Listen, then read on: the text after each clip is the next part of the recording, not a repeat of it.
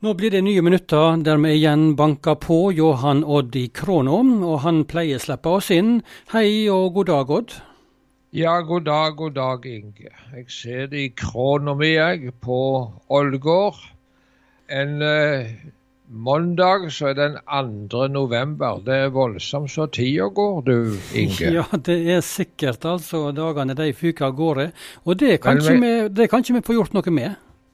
Nei, Det er voldsomt lite vi kan gjøre med det, iallfall. Det, det går sin gang, det, vet du. Og jeg er blitt etter hvert en meget eldre mann òg, så, så, det er så. Men eh, vi følger med tida, og tida følger med oss. Ja. Du Odd, du sier du har levd en, en stund. Et lite spørsmål sånn på sparket her. Jeg sa hei og god dag. Hvordan var det når du var ungdom? Sa dere hei da, eller sa det bare god dag? Ja, jeg kan ikke huske så mye til det, altså, men Eh, det, det, som jeg ofte kanskje sa, det var Ja, det er fint vær i dag. Det kunne vi hilse en annen med. Eller ja, ja, han er side. Altså, nå regner det. Han er, han er. Liten værmelding, altså, i forbifarten? Ja, ja. ja. Det var, jeg er ikke sikker på å sa god dag, men jeg sier f.eks. ja, ja, det var skoddete i dag. ja, ikke sant. Ja, Nei, for jeg har lurt litt på når dette ordet hei liksom kom inn i vokabularet. Om det var jeg er født på 60-tallet og du er født på 30-tallet. Men du husker ikke det, altså? Sånn på stående fot? Nei, eh, nei men, men det, det, var på 1900 og ikke 1838 jeg var født. altså. Det var, 19, 19, det var på 1900. 1938, så har vi fått ja, ja. presisert det. det. Ja, Men du, der, står, ja, der står i Bibelen at eh, et menneskes alder er 70 år og megen styrke 80. Det var i en gammel oversettelse. Ja. Og, og, nå blir jeg i desember 82, så jeg har fått eh, Jeg har vært en stund på jorda. Ja, ikke sant? Ja, og jeg har vært en stund på jorda. Og mange ord og uttrykk eh, har du snappa opp eh, opp gjennom åra, Odd. Nå skal vi til et, eh, eller pusse litt støvet av et uttrykk i dag som kanskje var mer vanlig når du var yngre. Det er vel ikke så vanlig i dagligtalen i dag. Det er ordet anfektelse. Det blir brukt en del i kristne miljø, dette ordet her, iallfall tidligere. Hva er anfektelse? Ja, jeg har godt kjennskap til det ordet der. og det betyr at du sliter med, med tvil på forskjellig. Altså. Det er ting som du ikke klarer liksom tro og ta imot. Og jeg eh, skal bruke et lite bilde på det. Jeg eh, husa i eh, jeg tror det var i 1963. Det er lenge siden. Da var jeg oppe i Nord-Norge en tur og hadde møte. I to måneder reiste jeg der oppe. Da var du ganske Helt, ung, da? Ja, var, da var jeg unge 23 år, kanskje rundt der. Eh, og, og, jeg eh, kom til Narvik, husker jeg. og eh, hadde møte hos ei kvinne, eldre kvinne der i heimen hennes. Og hun var et uh, flott kristent menneske. Hun var forresten medlem av bystyret og, for Høyre.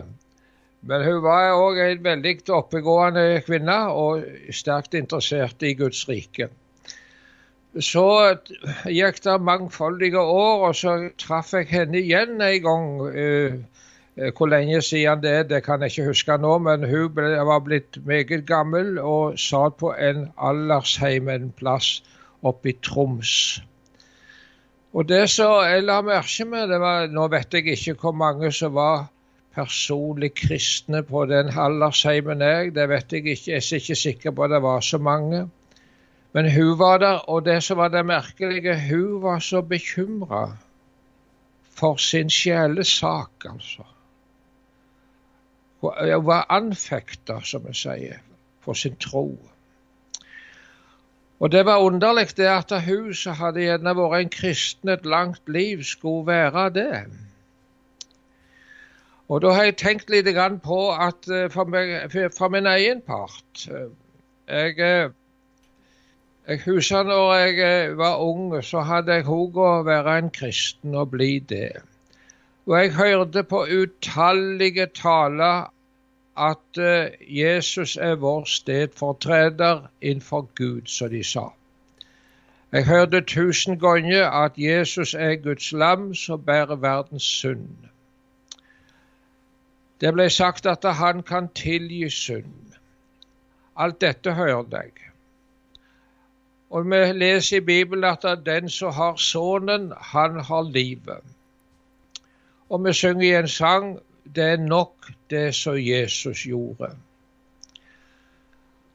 Og jeg eh, må si det at jeg, har, det, jeg betviler ikke det. Men det som er store spørsmålet, er det virkelig mitt? Har jeg del i det? Eier jeg det?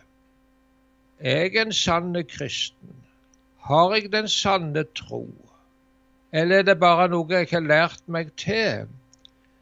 Ja, jeg kommer ifra det som kalles en kristen heim.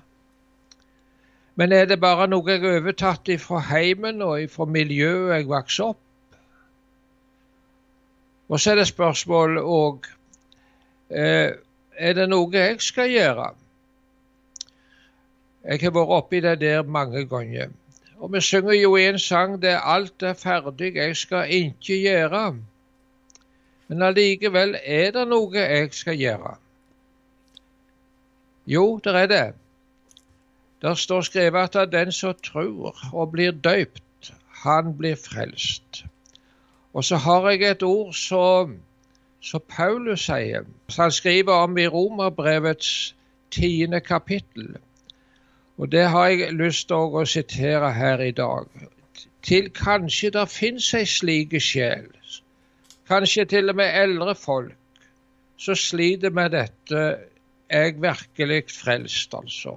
eller er det et bedrag?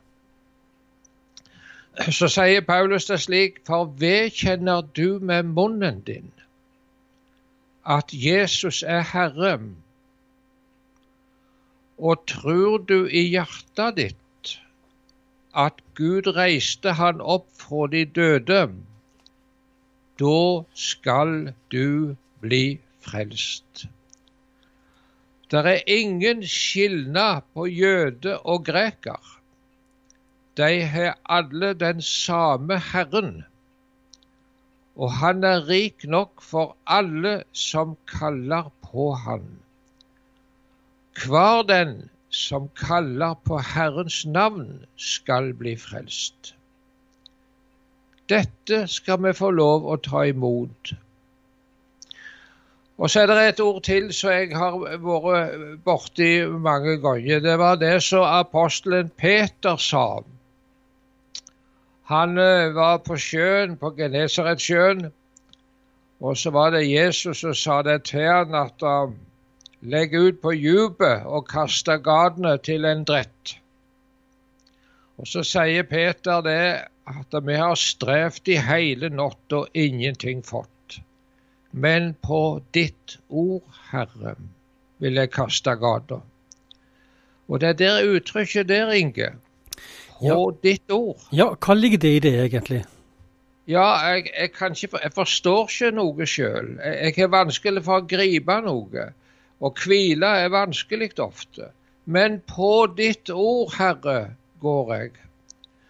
Og det var en eh, misjonær, så en Etiopia-misjonær. Han eh, heter eh, Gunnar Kjærland. Eh, mange som kjente han, kanskje. Eller kjenner han. Han sa det slik en gang på et møte i Uskedalen. Jeg var der. Så sa han det kommer du til Jesus med ei lita tru, så eier du hele forsoningsverket. Tenk det.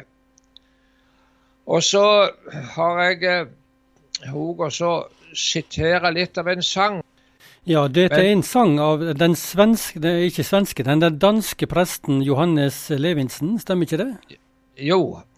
Han eh, ble ingen gammel mann, men han skrev to sanger som vi har hatt i sangbøkene. Men den, eh, i, i, den nye sangboka som vi har, som kom i, på 80-tallet, der klarte de av en uforståelig sak til å sløyfe den ene sangen. Så en av de beste sanger som vi har i sangboken når det gjelder sjelesorg. Denne sangen er på fire vers, og jeg skal sitere den. At du har meg elsket, det vet jeg så nøye. Altså, det, Han ser altså på Jesus, altså.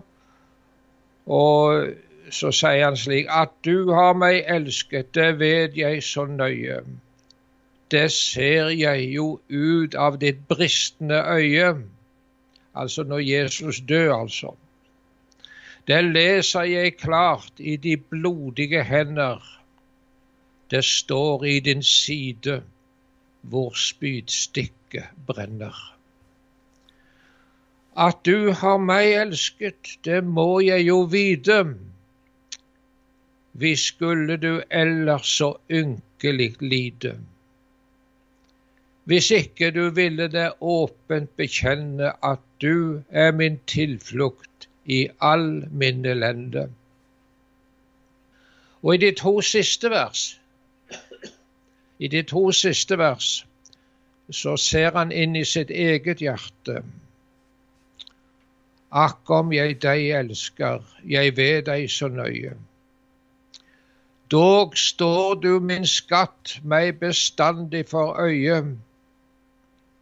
Dog rekker jeg mot deg de bedne hender, og hjertet i brystet meg underlig brenner. Og så siste vers. Akk om jeg deg elsker hvor kan jeg det vite? Dog vil i ditt samfunn så gjerne jeg lide. Om deg vil jeg vitne og åpent bekjenne at du er min tilflukt tross all min elende.